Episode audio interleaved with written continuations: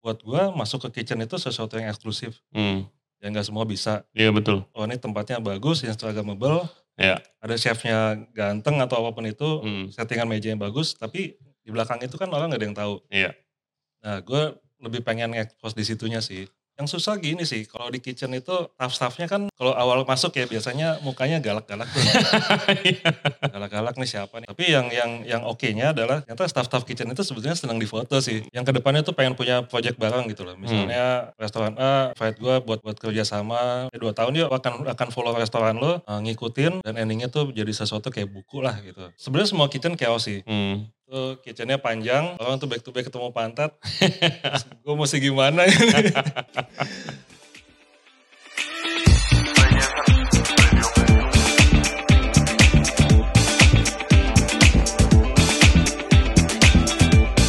Hello everybody, thank you very much for tuning into the show today. Kali ini kita akan ngobrol bareng Bang Yo dari Backdraft Project. Nah dia seorang kitchen photographer. Kerjaannya mengunjungi satu restoran, minta izin sama chefnya, lalu mendokumentasi kesibukan dan juga proses-proses yang berlangsung di dalam kitchen profesional. Dan gue lihat misi dan visi dari Backdraft Project ini mirip banget sama Regency Radio Podcast. Kita mau kasih exposure dan juga kadang mendokumentasi orang-orang yang bekerja di dunia F&B. Jadi ke depannya kita akan bakal banyak banget collab sama dia. Oke, seperti biasa jangan lupa subscribe di Regency Radio Podcast, ada di YouTube, Spotify, Apple Podcast, Google Podcast, dan juga Anchor App. Follow Instagram kita di Regency Radio dan juga di TikTok. And without further ado, please welcome Bang Yo dari Backdraft Project. Enjoy the show. Oke, Bang Iyo dari Backdraft Project, welcome to the show akhirnya. Thank you, thank you. Gue udah gua udah lama banget pengen ngajak lo ngobrol. Jadi gini guys, eh, sedikit background story dulu nih dari eh, gua sama Bang Iyo. Jadi eh, waktu zaman pandemi kemarin, wedding gua itu di cancel. Maksudnya gue wedding di Bali. Terus habis itu eh, ternyata dua tahun kemudian eh, kan weddingnya di cancel. Terus habis itu jadi foto fotografernya nggak jadi padahal udah dibayar gitu kan terus habis itu kayak oh ya udah leh Eh, banyak juga teman-teman yang kayak gitu nggak apa-apa relain aja. Nah, dua tahun kemudian gue lagi jalan-jalan ke Bali, ternyata dikenalin sama satu fotografer yang kerjaannya masuk ke kitchen untuk foto-foto chef dan aktivitas dapur. Nah, ini Bang Iyo. Setelah kita ngobrol berapa lama, ternyata fotografer wedding gua yang waktu itu nggak jadi ternyata Bang Iyo. Mestinya ya. Iya mestinya. Karena waktu itu istri gua eh, demen banget foto stylenya. Jadi ya it all comes together. Gue senang banget bisa ngobrol sama lo akhirnya di sini. Thank you, thank Bang. you. Sama-sama. Eh, Oke, Backdraft Project. Apa itu Backdraft Project? Mungkin buat pendengar yang belum pernah dengar. What is Backdraft Project? Backdraft project sih sebenarnya lebih ke project kecelakaan ya kayak. Mm-hmm. Mhm. Kecelakaannya tuh ya gue emang emang dari dulu kan senang dengan sesuatu yang sifatnya dokumenter behind the scene. Oke. Ya dari kecil gue suka nonton kalau film Jackie Chan gue biasa nunggu endingnya tuh kan ada ada behind the scene behind the scene-nya. Oke, iya Ya. iya iya Nah, iya. kayak iya. gitu. Nah, Iya yang dia lompat dari ya, mana yang gitu. gagal-gagalnya kayak gitu Iya. kan ada. Nah, eh, di Jakarta gue sempat jadi jurnalis juga, tuh makin kasah tuh buat bikin foto yang lebih lebih dalam, lebih bercerita Lu jurnalis apa, Bang? di TV3 Malaysia, Oke, untuk ngecover apa topiknya? Hard News. Hard Dulu news. tugas gue tuh di di KPK, di MPR, sama biasanya lebih ke demo-demo, Wah. khususnya oke. urusan sama Malaysia. Oke, wow. Nah, Oh lu backgroundnya dari situ ya, justru. jadi waktu zaman zamannya Malaysia, eh, ini boleh gak sih dibilangin? Iya boleh lah, kenapa? Jadi Waktu zamannya Malaysia lagi ada kayak ada j- di Indonesia lagi ganyang Malaysia, Heeh. ya gue tuh bolak-balik ke kedutaan buat ya buat makan di sana, buat upacara di sana. Oke. Kayak gitu. Wow, oke oke. Jadi lu ya apa ya hard news apa investigatif jurnalistik. Salah satunya iya. Oke, wow oke. Terus Nah, habis itu bis- Lanjut, bisa end up masuk ke kitchen. nah pas pandemi gue kebanyakan ini kan kayak misalnya Job kurang tuh kan pasti kan. job, job pasti nggak ada karena balik kan di lockdown pulau nih. Hmm. Iya, ya wedding gua gak jadi, mesti lu yang foto kan. Iya. Sebenarnya bukan cuma lu si si Hah? Chef Freddy juga mestinya gue yang foto. Oh iya, Iya. oh, nice. Iya, ya, ini jadi emang juga. fotografer wedding handal yang biasa passionnya dokumenter, tapi untuk eh, sehari-hari wedding karena duitnya Wedding, gede. Iya. ya. Kalau nggak ada wedding mati kita. nah habis itu selama pandemi ya ya kita tahu lah banyak banyak berita beredar yang nggak jelas lah di di di media-media umum. Hmm. Nah di Bali karena gue merasa itu sebuah ke- kegelisahan, heeh. ya gue Berita nggak jelasnya apa pada saat itu? Eh, misalnya kayak di Bali eh, vaksin udah masuk belum sih? Kenapa? kenapa Oh, yang kenapa kayak banyak gitu. banyak perjalanan yang ditutup-tutupin? Mhm. Kenapa banyak apa kayak ya lebih ke si- situasi-situasi kayak gitu. Nah, gue Hmm. akhirnya turun ke jalan bikin bikin dokumenter foto-foto tentang ya Apa Hal-hal kayak yang gitu, terjadi iya. aslinya gitu? ya, kayak misalnya eh, ada bansos masuk nih. Hmm. Biasa gue cari pembuktian aja sih gue datang ke sana, gue kontak eh, ada abang-abangan media gue di sini gue bilang gue bagi bagi ID lagi dong. Oh. Gue mau gue mau bikin berita di Bali. Oke. Nah, jadi segitunya, jadi kayak misalnya Itu lu platformnya apa waktu gitu? eh, masuknya ke media ada namanya Inanius, jadi Oke. akhirnya masuknya ke sana. Oke. Jadi awalnya kayak gitu-gitu, lama-lama kenal lah Maxi. Oke, kenal Chef Maxi. Iya, Chef waktu Maxi. itu apa ya? Maxi tiba-tiba kontak bilang Ray ada fotografer yang kerjanya foto ke kitchen. Nih nomornya gitu, langsung gitu. Nah, kenalnya gimana sama Chef Maxi? Pandemi kan kita gatel ya, maksudnya senang akhirnya jadi banyak jajan-jajan, nyari makanan susah. Hmm, hmm, Terus ada teman-teman pada pada posting ada Ryung Rasa nih, hmm, dan dia eh, tempatnya oke, jualan makanannya juga makanan yang common banget. hmm. terus datanglah ke sana nah ternyata eh, banyak banget relate gue sama Maxi misalnya gue Maxi dulu bekas bekas atasannya apa apanya abang gue abang gue kan si Patrick tuh Oke. nah kayaknya banyak- Apa ba- abang lu chef? iya Oh, abang lu chef. Oke. si Patrick Lamon Patrick Ramon, abang lu gimana mas? abang ipar Oh, Adik. Patrick Ramon nih yang berbuka restoran Iya. ya. nih. Oke, oh, Adiknya. belum lama dia kesini. iya gue nonton sih Oh, lu satu keluarga. adiknya dia bi- istri gue Wow, oke small world, oke oke terus saya terus. banyak konek-konek sana Hmm. kenalan ya udah terus Ah, eh, kalau nggak salah 2021 deh 2021 Januari Maxi kontak oke. Bang, gue mau bikin event nih namanya Senjakala. Ada ada ada chef Mili, ada Renata. Oke. Gue minta iya. tolong ya lo fotoin ya. Eh, Mm, mm, mm, mm. gue balas, gue boleh foto ke, da- ke dalam-dalamnya nggak? Ke Hmm. kitchennya, ke emang emang se-intimate itu gue bisa masuk. Iya. Karena lu emang demen prosesnya Iya, gitu kan. di Indonesia dan lain-lain. Terus Maxi bilang boleh bang, bebas. Soalnya kalau cuman gue buat fotoin tamu-tamunya, gue males gitu. Bosan. Tamu-tamunya cuman kayak gitu doang, gue males. Oke oke. Nah, oh boleh bang, bebas. Nah, Hamin satu, gue datang Oke. aja gue datang akhirnya dikenalin lah sama Renata sama Mili Maxi juga kenalin kan dia mau foto nih gini-gini apa ke dalam-dalam Hmm. oke bebas kok ya mereka kan friendly banget Mm. ya udah hanya kejadian masuk fotonya mereka suka dan apa yang gue bayangin juga dapat gitu loh Iya jadi itu eh, pertama ya pertama waktu itu gue inget Chef Maxi suruh gue datang ya nggak mungkin bisa karena lagi pandemi itu kan. Iya. Terus habis itu eh ya gue lihat foto-fotonya, gue sempat mikir ini siapa yang foto keren amat sampai ada fotografer gini gitu kan. Oke oke. Oh terus dari situ, ya cikal bakalnya di situ lah masuk Oke. kitchen terus eh, beberapa bulan kemudian gue ke Jakarta hmm, sama keluarga lagi jalan-jalan mampir ke tempatnya Patrick di Oke. Social Garden mm-mm. lagi makan lagi makan gue bilang Rick gue boleh masuk ke dalam nggak gue mau foto Hmm. masuk masuk masuk sini masuk lah nah itu kitchen profesional pertama yang gue fotoin oke. dan itu eh, ya ya gue happy banget sih ternyata Mm-mm. wah, apa yang di kepala gue ternyata buat di kitchen profesional tuh ternyata bisa loh Apa yang lu bayangkan emang? Eh, karena kan kalau di, di fotografi kan eh, banyak tekniknya lah ya Mm-mm. nah itu ternyata eh, prinsip yang jurnalistik yang di wedding dan di lain-lain orang kan ada yang suka street photo lah hunting inilah Iya. Nah, itu dibawa ke kitchen itu masuk banget. Oke. Cuman, ya, Karena, karena apa? Kalau gue lihat banyak foto apa orang lebih ke orangnya sih lu ya, cuman dan te- suasananya gitu kan. suasana, eh, misalnya lo, lo, Atmosfernya dapat lah ya, lo gitu. mau Kesu- main ekspresi bisa, Hmm. lo mau main framing bisa, Hmm. lo mau main momen apapun bisa nih. Hmm.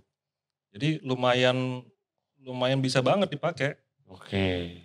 Cuman ya tantangannya adalah ya kitchen kan flow-nya cepet banget tuh. Cepat dan um, most of the time rada sempit. Sempit, cepet dan kitchen kitchen kan nggak ada nggak ada patokannya. Hmm. Kayak kayak misalnya ada yang kotak, ada yang panjang, macem-macem lah. Ya. Nah tantangannya sih di situ. Jadi gue belajar banget flow flow tempat dan nggak egois aja sih. Hmm. Contoh?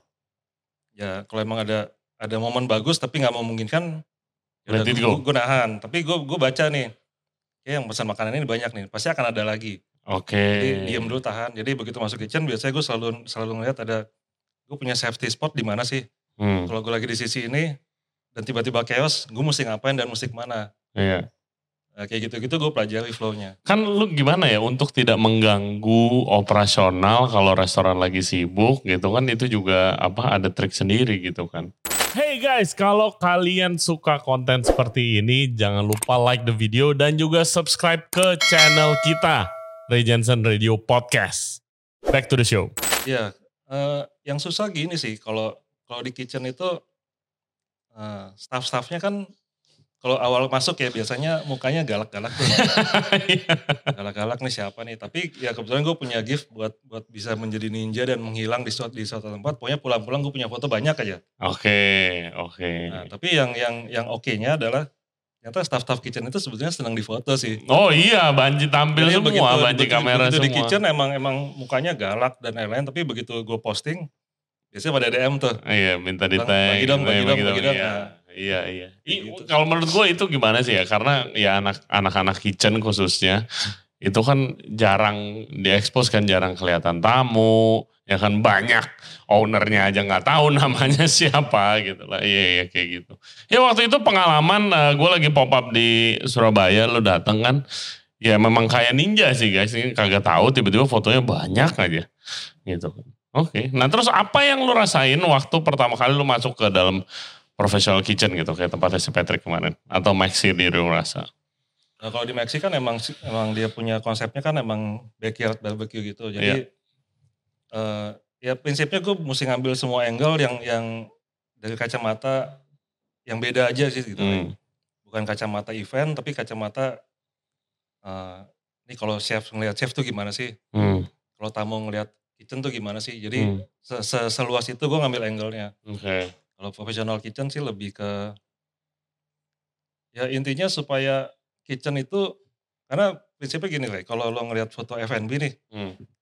itu kan biasanya cakep-cakep semua nih. Cakep cantik Ya- ya banget. Karena ya. emang itu settingan dan emang itu kebutuhannya buat jualan dan Buat- profesional. betul. Nah, tapi di belakang itu emang secantik itu. Enggak. Kan enggak kan. Nah, Mm-mm. Jadi gue pengen nunjukin itu aja sih bahwa aslinya tuh kitchen kayak gini dengan dengan konsep dan dan nuansa yang lebih maskulin buat gua gitu loh. Hmm. Oh ini ini cowok banget, ini jantan banget, tampilinnya kayak gitu. Oke, dari situ lahirlah backdraft. Ya Kenapa namanya backdraft?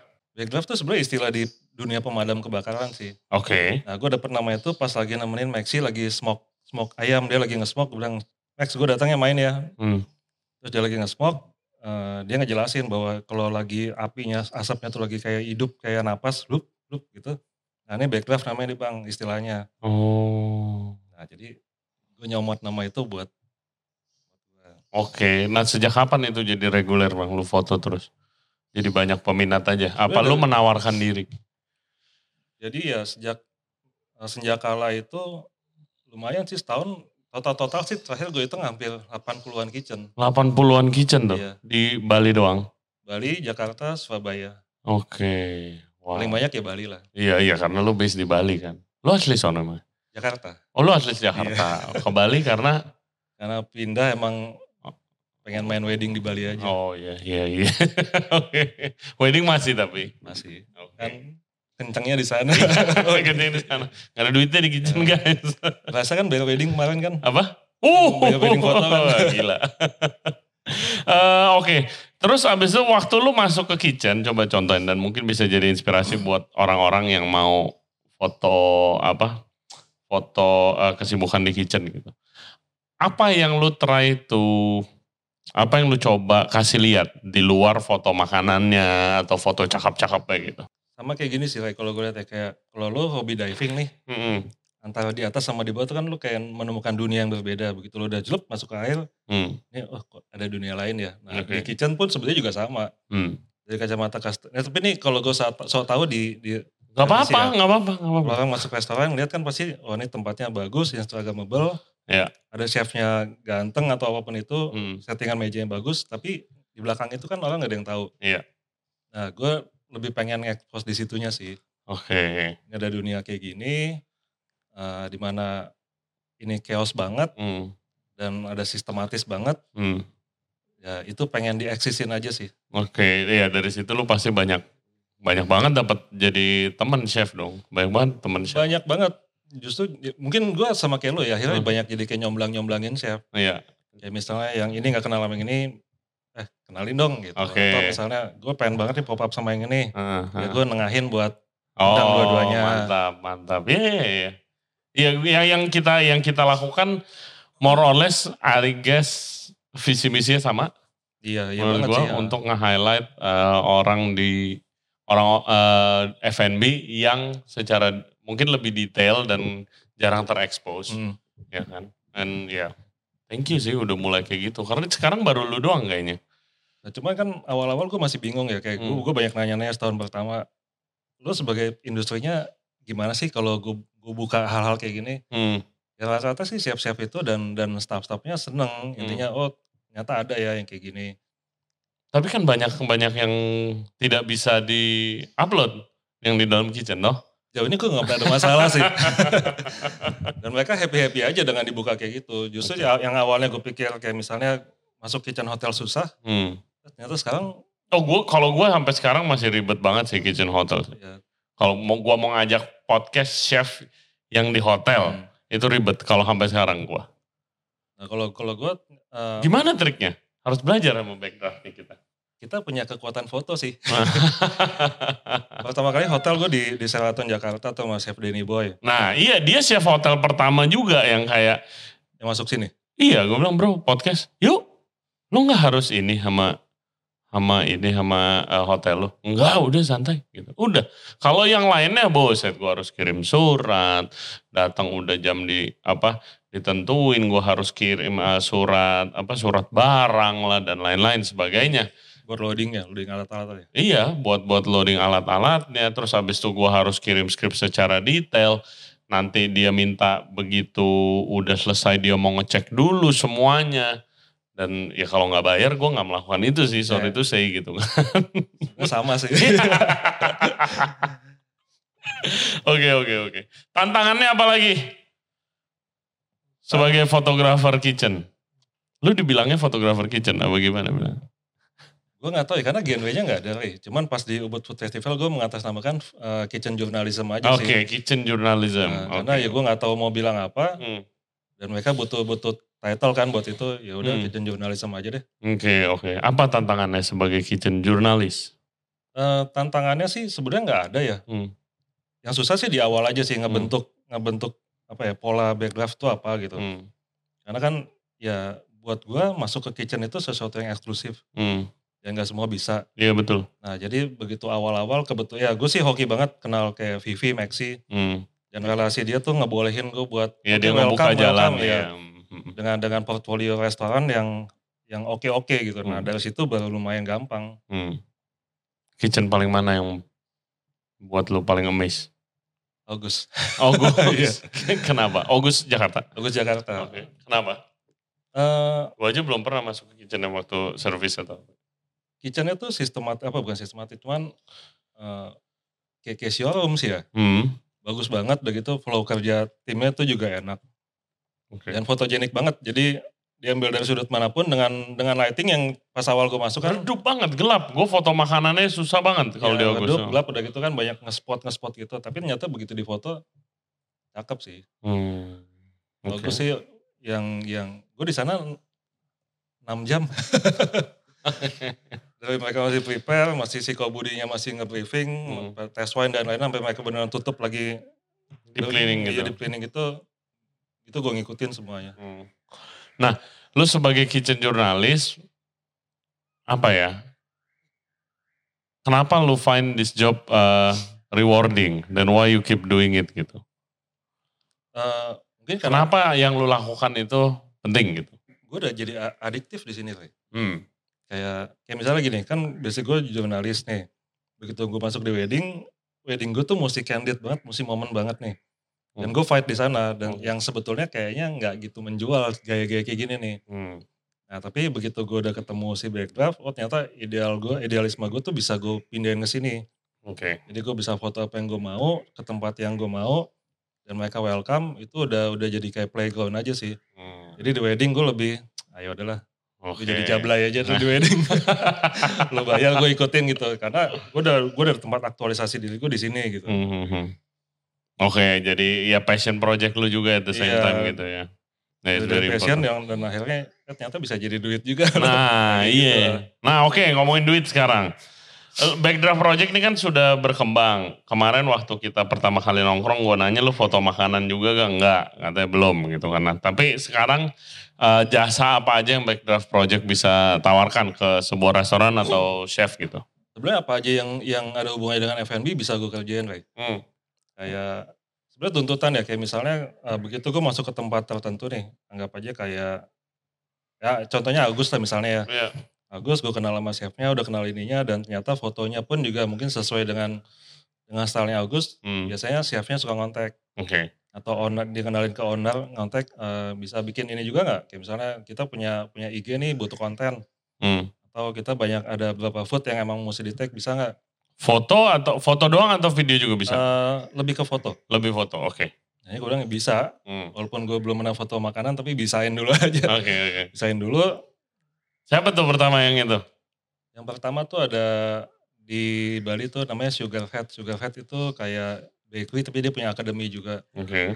Nah, dia Akademi ini seko- sekolahan gitu. ya kayak kursus gitu lah. Oh, Kursus, Nah, oke. Tapi kursus bakery and pastry. Mhm. Nah, itulah korban pertama gue. Dan kemudian Ah, ownernya juga gue udah bilang, gue bukan spesialis food ya. Hmm. Gak apa-apa, tapi gue seneng sama, apa ya, kalau di, di bahasa bisnisnya kan kalau lo udah connect, lo bisa, m- apa ya, kayak m- komunikasi udah lancar, lo tau apa yang gue mau, Hmm. ya mereka percaya aja sih. Ya, ya. Ya that's the rule guys, bisa dulu Nah, jadi aja. kadang-kadang skillnya tuh belakangan yang penting, lo paham kan apa yang gue mau, gue nggak ngerti apa yang lo mau, tapi lo, lo Hmm. Iya. sabar sampai gue bisa dapet ininya, dan mereka lumayan lumayan sabar buat ngebentuk. Jadi gue banyak, itu udah gue anggap kayak lab gue juga buat buat apa ya buat latihan-latihan foto makanan sih. Oke. Nah, menurut lu apa yang selalu pelajari? Kalau dari segi foto makanan, apa yang harus diperhatikan? Tapi kan foto lu bukan kayak foto apa ya makanan pada umumnya. Kalau orang lihat foto makanan kan buat dijual, palingnya Iya. buat menu, cakep banget, food styling. Lu- You do food styling juga? Enggak. Enggak kan? Nah makanya. Nah, makanya kadang-kadang gue bingung sih kenapa klien klien gue pada percaya. Baru percaya. tapi kan sekarang foto makanan kan kayak ini tapi ini menurut gue ya. Jadi Hmm. kayak bagi dua nih ada yang emang buat menu dia yang, yang beauty beauty, ada Hmm. juga emang kebutuhannya buat konten Hmm. Instagram karena kan platformnya udah mulai kompleks nih. Iya, iya. Nah, kebanyakan foto gue lebih dipakai buat konten sih, konten Oke. Instagram. Jadi nggak butuh yang terlalu detail beauty sampai kayak gimana tapi cukup aja. Hmm. Oke, itu foto makanan. Hmm. Terus apa lagi yang disediakan? Ngisi konten. Hmm. konten-konten Instagram. Oke. Misalnya ada restoran yang sekarang di Bali gue megang empat empat restoran yang gue nyuplai konten bulanan. Jadi eh, Apapun itu. Kalau Iya. soal kreatifnya gimana? biasanya mereka udah ada ada ada ada ada, ada restoran yang emang udah terserah nih lo mau bikin apa aja suka-suka. Oke. Bulan bebas. Ada juga yang mereka udah dari agensi, agensinya yang kontak gue. Si ini mood boardnya ini ya bulan ini gini, Ya udah ikutin aja. Hmm. dan itu lumayan sih makanya kalau kalau di backdraft sih sebetulnya lebih ke jalan masuk buat masuk ke tempat-tempat kayak gitu sih buat buat networking supaya bisa bisa bisa dapat bisa kenalin diri kayak gitu sih Content creating, food photography berarti. Iya. Nah kalau untuk personal branding, Eh, mulai oke. karena ada gue udah mulai kenal beberapa chef yang yang mungkin Males ngupload. malas ngupload nggak punya konten ya kadang-kadang kalau habis foto makanan cuma pakai handphone Hmm. eh Itu Iya. foto supaya nggak lupa aja bang. iya Bukan buat apa-apa. buat platingan ya buat tahu plantingan Iya. kirim ke staff. Nah jadi kayak gitu-gitu udah mulai sih ada beberapa yang eh bantuin gue dong ngurusin IG gue nih. Mau kayak gimana chef? Eh, ya pokoknya gue nih tipikalnya gini gini gini makanan gue gini lifestyle gue begini. Ya udah biasanya gue bikinin mood boardnya dulu kurang lebih gini ya sebulan gue nyuplai 9 konten ya Dan itu udah ada beberapa juga. udah jalan. Gila bisa ke sana evolve-nya ya. Eh Dari foto kitchen ya iya ke sih sana. ya, karena kunci ma- kunci ma- apa kunci masuknya kan sebetulnya di gimana supaya gue bisa kenal dan membuat impresi atasnya nih Hmm. Eh, bosnya gimana sih kalau itunya udah dapet sebenarnya mau ngapain aja bisa sih Gimana maksudnya? Eh, kitchen kan gue foto kitchen kan sebenarnya buat buat buat apa ya? Jalur masuknya, Pintu entry-nya. masuknya nih. Ya, Pintu supaya masuknya. gue kenal chefnya, supaya Hmm. gue bisa deket sama chefnya. Chefnya pun juga kalau suka sama fotonya kan dibawa ke bosnya lagi. Hmm. Ini ada nih yang kayak gini gini gini. Eh, tanyain dong bisa nggak foto makanan juga, bisa nggak ini juga. Iya. Chefnya balik ke gue lagi, Hmm. Mas bisa nggak lo kalau ngisi Instagram? Hmm. Bisa. Pokoknya apa aja gue bisain. Ad- ada gak yang ribet? Ada. Hmm. Biasanya kalau lewat agensi lebih ribet. Lewat agensi. Jadi Misalnya ada restoran nih, dia pakai dia, agensi. Oh. dia pakai agensi kan. Oke. Walaupun dia kontekan sama gue, tapi apapun mesti lewat agensi. Oh dia yang approval konten, ya which is nggak ngerti kadang-kadang. Kadang-kadang iya. Hmm, Oke oke. Nah, kok ditahan-tahan gitu ngomongnya? Jangan dong. Karena emang ada agensi yang begitu gitu. Ah, jangan diupload ini itu Nah, gitu sih. sel- bu- Bukan itu sih, karena kan kalau agensi kan tinggal ngikutin flow-nya aja nih. Hmm, Moodboardnya udah ada, misalnya sebulan itu ada 12 spot image yang mu- mesti di, di tag. Hmm. Ya udah kita ambil. Cuman eh, kadang-kadang flow kerjanya itu agak aneh aja sih. Oke. Walaupun nggak semua ya, tapi biasanya gue ketemuin tuh agak-agak aneh-aneh gitu.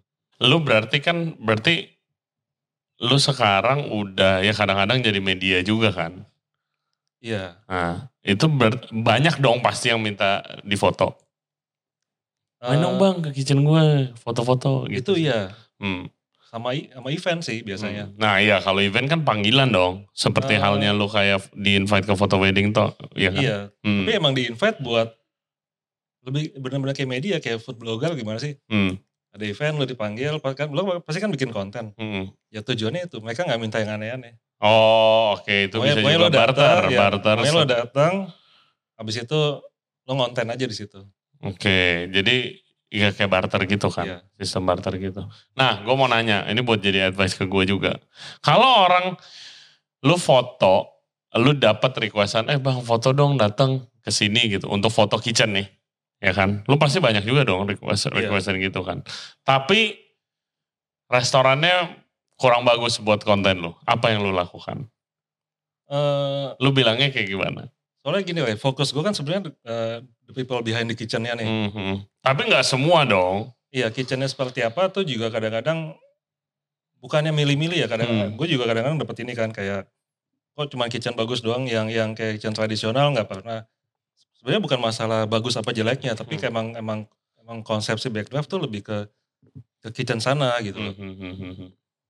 Nah, Ya lebih ke sana sih. oke Kalau jadi bukan masalah ini layak apa enggaknya ya gitu loh. kayak kan nggak semua kayak gua nih banyak banget bang yang kayak eh ayo dong gue punya tamu podcast nih ide buat eh, lu chef ceritanya menarik banget oh, oke siapa biasa gue minta dikenalin kalau kenal minta kenal oh enggak gua aja gitu gua kayak maksudnya gue mau minta advice untuk kayak oh oh iya gue cuma bilang oh iya terima kasih nanti gua meetingin ya gitu tapi kayak oke ini kontennya apa terus kadang-kadang kontennya juga nggak nggak ya kayak ada nih gue kasih satu contoh deh ada this guy kontak gue bilang katanya oke gua eh, punya pengalaman sangat menarik banget dan bisa jadi pembelajaran gitu kan oke oh boleh eh, ceritain aja pengalamannya nanti kita eh, kalau oke kita podcastin gitu kan terus kayak iya gue lagi kerja di luar negeri terus visa gua nggak dapat jadi gua harus balik ke Indo apanya itu terjadi sama semua orang kan tapi Itu nasib sih. itu nasib dan terjadi sama mayoritas orang-orang yang kerja di luar negeri termasuk gua ya gua gua bilang sorry bro tapi cerita lu ini ya biasa aja nggak nggak ada yang spesial gitu loh jadi ya mungkin belum dulu nah kalau lu dapat dari yang seperti itu gimana Kalau gue biasa gue pantau sih, Ray. Misalnya ada ada restoran. Ini tadi baru dapet DM juga kan. hmm. gimana sih kalau collab dan invite? Gue nanya restoran lo apa? Hmm. Nah, terus gue biasanya, oh ini prosesnya nih ya iya, Oke. bi- terus biasanya kalau emang gue nggak kenal, betul-betul nggak kenal ya kalau Hmm. chefnya gue kenal duluan, biasanya kan emang udah kontak-kontakan. Ini Hmm. betul-betul eh, nggak tahu siapa dia, Hmm. kontak, gue nanya restorannya, biasa gue datang dulu. oke Tapi emang benar-benar sebagai guest ya. Iya. Gue datang, tapi eh, makan, misalnya kalau makanannya oke, atau servisnya, biasanya itu gue lanjutin. Tapi Hmm. kalau dari awal udah nih kau nggak nggak ini ya, Nah, karena bukan mas tadi bukan masalah bagus apa jelek lah ya, tapi kalau ya emang sesuai value-nya ini standar nggak bisa sesuai- diangkat, Heeh. ya Nah, iya, lu maksud kan gua juga, itu. Ya lu kan juga kayak misalnya tamu lu mesti sesuatu, mesti sesuatu gitu loh. Ya of course, yang Iya. bisa inspire a lot Iya. of people. Nah, uh, sama uh, kalau gue juga hopefully. kalau emang tempatnya, karena kan lu punya pertanggungjawaban nih sebagai konten. Betul. Kalau habis lo naikin terus ternyata dia kenapa-napa dan gak sesuai, Hmm. kan lo juga yang yang ngerasa punya beban kan. Hmm. Ya hmm. sama di gue juga sama. Iya. Jadi gue gue biasa datang dulu sebagai guest, ya gue ngecek ngecek ngecek, atau gue pulang balik. Ini kapan terus kasih jeda waktu, terus gue bilang kalau emang oke, gue bilang "Eh, lo ada event nggak, ada apa nggak? Hmm. Nah, sekalian deh gue gue main deh gitu. Oke. Gue pengen dah ngundang lu foto wak- buat event pop up gue gitu. Kapan ada pop up lagi nih? Gue pop up sebulan sekali. Sekali. Bu- Tapi sayangnya belum kesampaian pop up di Bali nih. Chef Maxi ditunggu nih undangannya gue. Katanya lagi ini, lagi proses sama ini Sama siapa? yang rasa. Apaan? Gua. Iya. Gua mohon-mohon ke dia prosesnya begitu. Gua mau pop up di sana. Ya begitu dah. Eh, apa gua bakal pop up di bulan Juli ini gua pop up di Bandung sama di Jakarta. Ada dua. Bulan ini gua nggak ada pop up karena bulan Juli gua ada dua. Bulan Agustus gue di Solo. Solo. Ya. Iya. Soalnya ya salah satunya gitu sih, kayak apa? Gue pengennya si backdraft ini tuh bukan cuman se- bukan cuman sebatas apa ya, tukang foto panggilan buat ke kitchen, tapi Hmm. eh, dia bisa menjadi part of kolaborator juga. Ya. Jadi kayak misalnya Ray- Ray Jensen, X siapa, nah X satu lagi tuh atau support by-nya tuh mesti naik namanya gitu. Iya, iya, iya, iya. Jadi bukan cuman kayak, Panggil fotografer Panggilan, panggilan. kayak gitu enggak. oh iya, iya, iya. jadi positioningnya pengennya sih lebih jelas kayak Hmm, gitu. hmm. Terus what was the big goal? Ini mau dibawa kemana nih backdraft nih? Golnya masalahnya banyak banget Oh, iya. Sebutin satu-satu. Eh, salah satunya gue pengen punya partneran sama restoran yang yang yang yang apa ya bilangnya yang kedepannya tuh pengen punya project bareng gitu loh misalnya restoran A invite gue buat buat kerjasama eh dua tahun yuk gue akan akan follow restoran lo eh, ngikutin dan endingnya tuh jadi sesuatu kayak buku lah gitu Hmm, kayak buku ya. ya buku Lu dulu pernah kan bikin yang lu kontak Ah, gua? tadinya mau sama Agus kan Enggak, yang lu kontak gua Iya. minta minta anekdot dari podcast. minta izin Nah, Iya. itu gua Itu lagi- awal-awal kita kenal, kita belum Iya, ketemuan itu. ah. Heeh, Jadi karena Agus menurut gue fotonya banyak banget heeh. dan lengkap banget. Iya. Nah gue kan pengen bikin buku. Kalau buku kan nulis yang paling gampang adalah kan nyomot nih. nah nyomot ya gue kan gue izin sama lo boleh nggak dari apa namanya podcastnya sama Agus gue kayak Iya, nge- ah. skripnya gue ambil gitu. Hmm, hmm, hmm. Nah, pengennya sih kayak begitu. Tapi hi- hitungannya kayak kayak dokumenter lah. Jadi jam- emang emang emang jangka panjang. Udah ada jalan tuh yang begitu tuh. Eh, sama sama Vivi, Oke. sama yang ngerasa lagi lagi cetak. Hmm, hmm. Oh lagi cetak? lagi cetak. Oh, Jadi eh, udah kan gue dari Senjakala tuh udah dua tahun lah ngikutin mereka. Hmm. Terus gue bilang sama Viv- Vivi kan, Vivi ini foto lo banyak banget nih di Audis gue, sayang banget kalau nggak dijadiin sesuatu. hmm. Mau diapain bang? Bikin buku ya, coffee table aja. Jadi lu Iya. nggak usah nulis panjang-panjang, tapi lu kayak bikin kayak day- kayak apa ya kayak kayak Anekdot jurnal gitu. lah di Iya. tiap event lo apa apa apa apa apa. Nah itu prosesnya gimana sih kalau lu bilang lu ngikutin restoran selama du- setahun atau dua tahun itu gimana prosesnya? Ya, Ketemuan berapa kali seminggu apa bla bla bla? Gimana? Itunya sih belum belum belum tahu ini ya si Mm-mm. teknisnya. Cuman eh, ini ada dua restoran yang emang gue ikutin panjang. Ada Hmm. satu lagi ada Atlas, tapi bukan Atlas Beach Club, Atlas Kitchen. Mm. itu gue udah setahun setengah ngikutin mereka karena emang gue ngisi kon- Maksudnya ngikutin tuh kayak gimana bang eh, maksudnya? karena gue ngisi konten konten Instagram mereka tuh udah udah lama nih. Oke. Nah kalau konten itu kan gue benar-benar sama si Atlas ini lebih ke gue bisa datang kapanpun gue mau, gue dikasih kebebasan buat ngambil apa yang gue mau Oh gitu. dan kalau ada, ada event Lu gue kasih akses ngikutin, lah ya, full iya akses. eh, eh, kayak gitu. Nah, jadi gue sama si Atlas ini nggak cuma sebatas fitnya gini-gini, nggak gue bilang gue maunya gue ngi- gue kasih kebebasan buat posting apa yang gue suka Hmm. dan itu udah jalan satu setengah tahun dan itu fotonya banyak banget dan gue bilang sama ownernya Adrian ini tahun kedua gue bukuin ya gitu hmm. bebas katanya Oke. Iya kayak- kan itu kan buat marketing restorannya juga kan. iya Branding mungkin dan bukan marketing. buat dijual ya tapi minimal begitu lo punya kayak arsip yang yang proper kayak begitu ya itu kan sesuatu banget ya Iya, enggak buat marketing restorannya, bukan buku itu dijual atau enggak Iya. ya gitu. Eh, untuk kayak branding dan marketing restoran yang part of it lah. Jadi kalau gue lihat sekarang, ya restoran-restoran keren di luar negeri sana dan beberapa di Indonesia kayak Mosaic gitu punya buku, bikin buku kan. Terus eh, Room for Dessert punya buku. Terus kalau di luar negeri ya restoran-restoran keren-keren banyak banget yang punya buku. Si Noma juga punya. Oh banyak yang apa bukunya. yang snapbook tuh yang kecil yang hijau tuh nggak? yang hijau tiga ya gue punya. Nah, yang hijau, Jadi yang hijau yang segini kan itu kayak foto-foto handphone semua tuh. iya fotonya tiga itu nggak dijual satuan, itu jual tiga. Iya satu satu box set satu gitu ya. satu buku biasa yang ada resepnya, satu itu foto-foto, satu lagi jurnalnya si Rene Redzepi. Hmm. Ya kan, itu di- dijual jadi buku. Wah itu mah dijual komersil banyak banget sama Faidon. Itu. Nah yang si buku kecil itu yang goal gue sih pengennya restoran tuh punya kayak gitu-gitu gitu loh. Oke, ngerti-ngerti ya. Jadi Bukan yang beauty show tapi emang emang daily life tuh kayak apa sih? Nah itu Mhm. yang di, di- diambil dan dijadiin buku. Iya, iya, the way to market a restoran dan buat branding bahkan kalau gue sekarang di YouTube lagi ngikutin ini apa nama restoran di London namanya Follow. Dia sampai bikin YouTube channel buat branding restorannya. Jadi kayak the chef pakai GoPro aja, ditaruh GoPro gitu Oke, di sininya. first man view gitu ya. Iya, terus wah lagi kesibukannya lagi ya udah lagi servis ya dikasih terus habis itu oh dikasih ke bartendernya kameranya. Ya udah pas bartendernya lagi sibuk ya kelihatan semuanya. Oh dikasih ke bagian grill. Nah, itu gue nontonin mulu. Keren gitu. Itu kan buat branding restorannya juga kan sekaligus ya awareness lah seenggaknya gitu kan. Tapi kayak sekarang kitchen-kitchen udah mulai open ya dengan hal kayak gitu ya. Hmm. Kalau nggak semuanya. Ke- nggak semuanya tergantung chefnya sih bang kalau gue ya karena eh, kalau chef di posisi yang dia udah ngerti namanya branding sama marketing pasti begitu pasti oke sih Hmm. menurut gue karena itu kan as a tool buat ya misalnya di upload sama backdraft kan jadi awareness kan Iya. iya gitu tapi mungkin ya lu pernah ketemu juga kali chef-chef yang udah manggil lu tapi nggak boleh nggak bolehin masuk ke kitchen Ya ada aja sih. Hmm, ya atau tertutup banget gitu kan. Ya sama seperti misalnya gue ngundang podcast nih. Eh tapi kok ceritanya ditahan-tahan banget.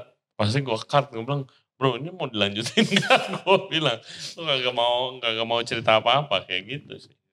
So the big goal itu. Ya big goalnya sih itu sih kalau di backgroundnya sendiri pengennya lebih lebih deep sama dengan dengan tempat-tempat tertentu jangka panjang Hmm. karena outputnya kan pengennya jelas ya kalau emang lu cuman habis foto-foto di keep di harddisk yang buat apa Hmm. mau di Instagram pun juga terbatas kan Iya lu gak bisa upload semua. iya kalau jadiin buku kan kayaknya lebih apa ya Hmm.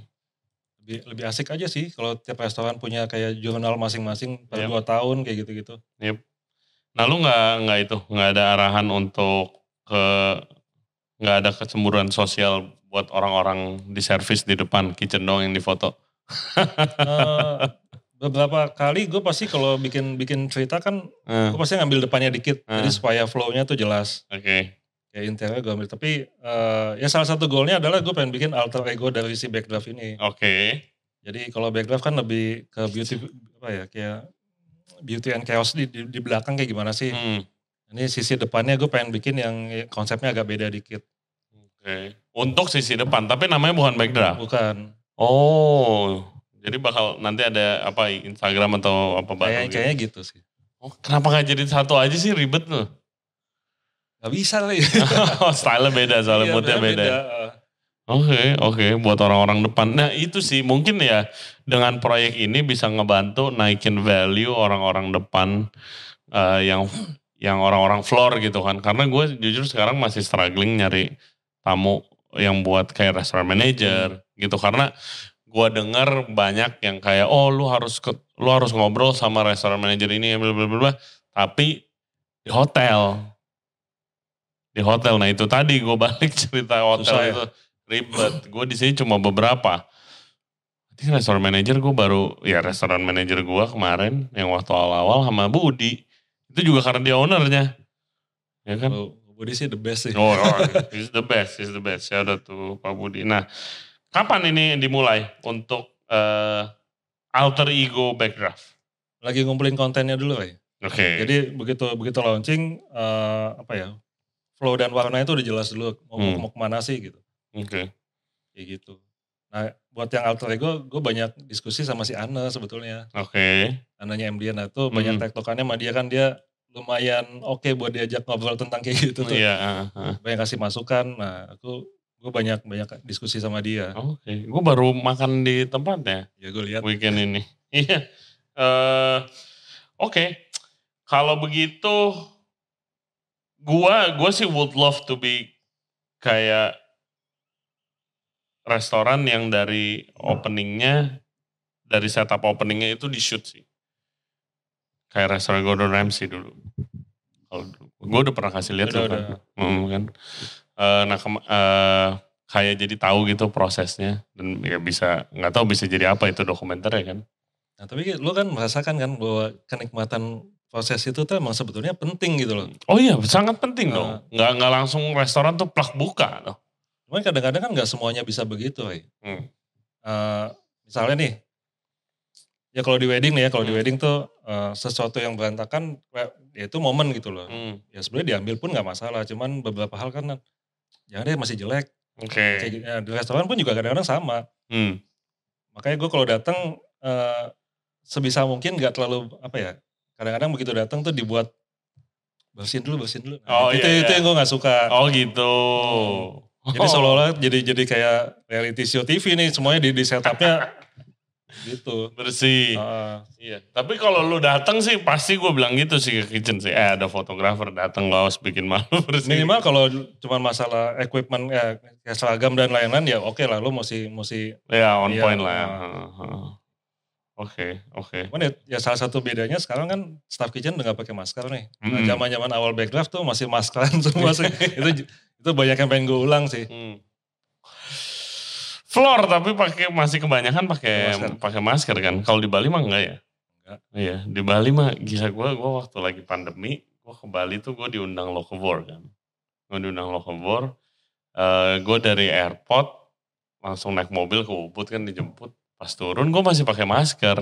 Terus habis itu kayak begitu gue turun depan hotelnya ada tamu hotelnya kayak Bro, this is Bali. Ngapain lo pakai What are you doing wearing a mask? Damn.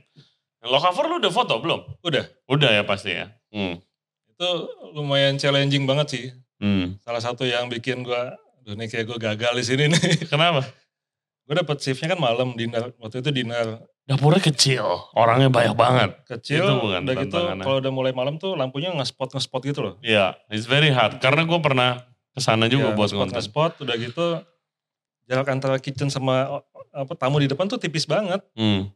jadi nggak bisa nggak bisa ngomong nggak ada bunyi bunyian di Iya. sana juga lagunya juga Kecil. kecil kecil gitu aduh Hmm. susah sih It's very hard.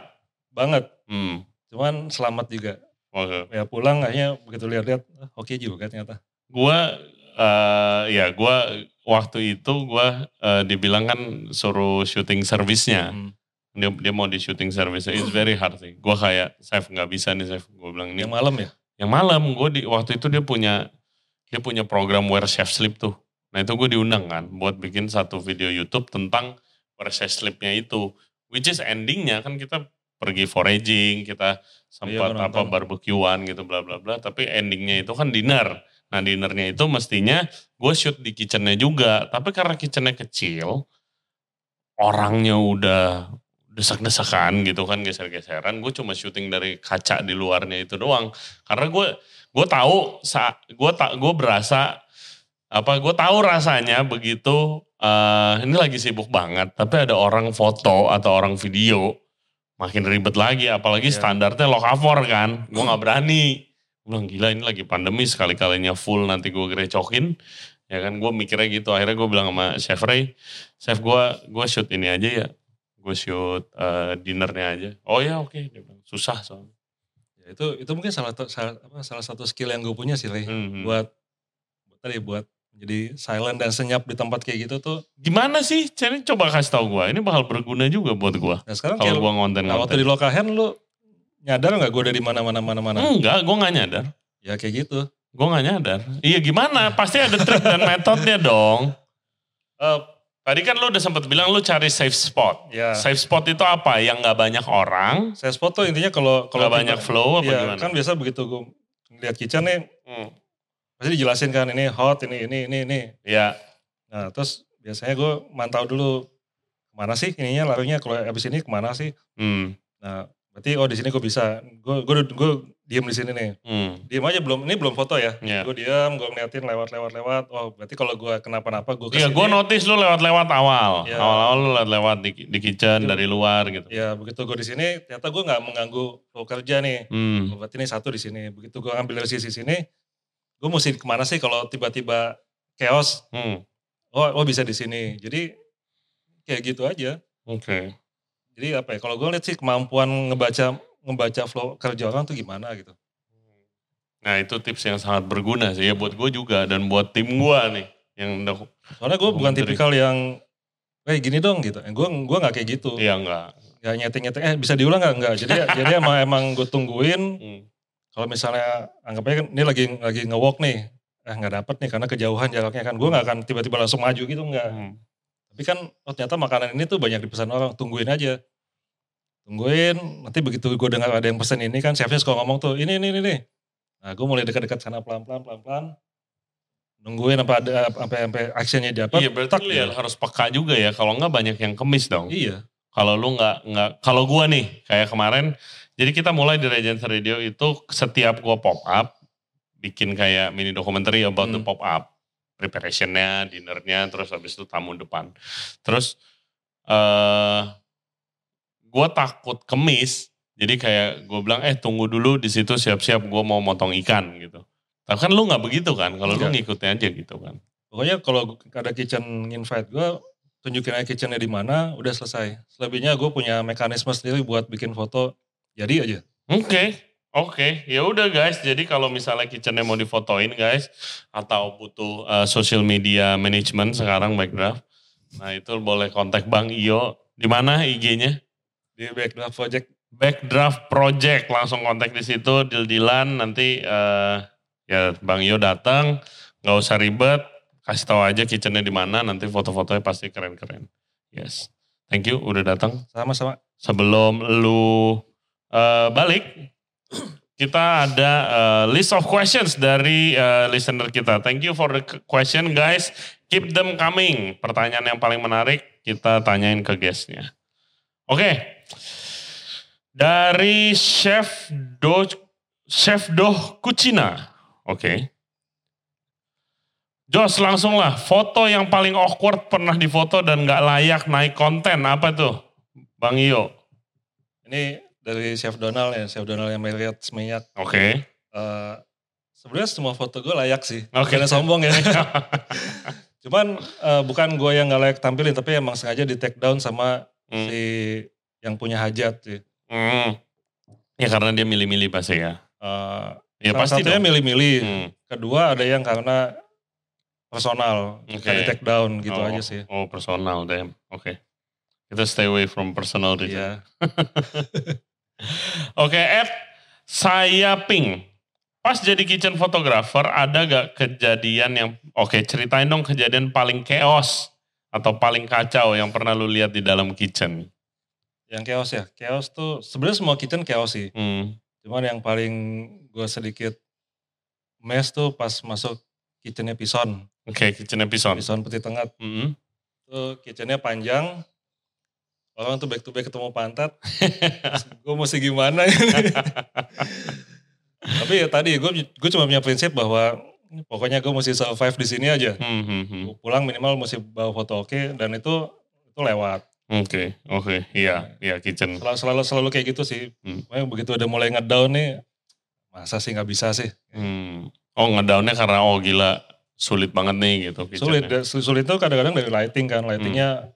ya kayak kemarin gue foto di lulu lulu tuh kayak hampir sama kayak lo cover ngespot ngespot gitu Hmm, hmm.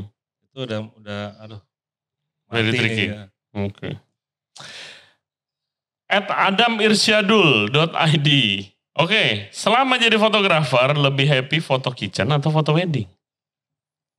kalau foto wedding sih lebih happy di di kantong ya duitnya lebih oke lah emang emang kalau kitchen kan emang buat buat kayak buat apa ya kayak buat healing aja sih hmm. Ya tapi kan sekarang sudah jadi bisnis juga. Iya.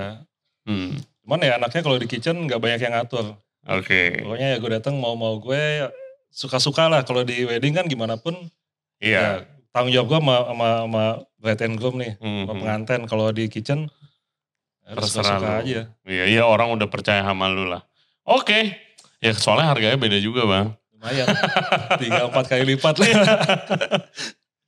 Kalau red wedding mah kagak, kagak kagak ada yang mau difoto kalau Iya. di kitchen. Oke, thank you banget Bang Yo eh, Roy. untuk waktunya. Eh, semoga sukses Sama-sama, dan eh, nanti semoga kita bisa kolaborasi ke depannya. ya, di invite dong. Apaan? Kalau ada pop-up, Oh iya iya, pasti pasti pasti. Gue suka nggak enak bang. Lu kan tinggal di Bali. Gue masa kayak sini dong ya kan nggak. eh, ya nantilah nanti gue ajak gue undang.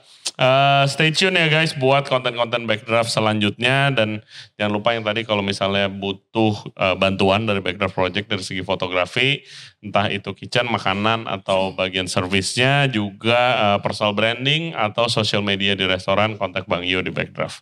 thank you. Instagram. Oke guys, eh, jangan lupa subscribe di Regencer Radio. Kita ada di YouTube, Spotify, Apple Podcast, Google Podcast, dan juga Anchor App. Eh, thank you very much for watching. Eh, dan juga apa ya, stay tune for our Regencer Radio content. Kita mau mulai konten dokumenter waktu gua pop up. And as always, stay safe, stay healthy. We'll see you next time. Bye bye. Thank you. Thank you.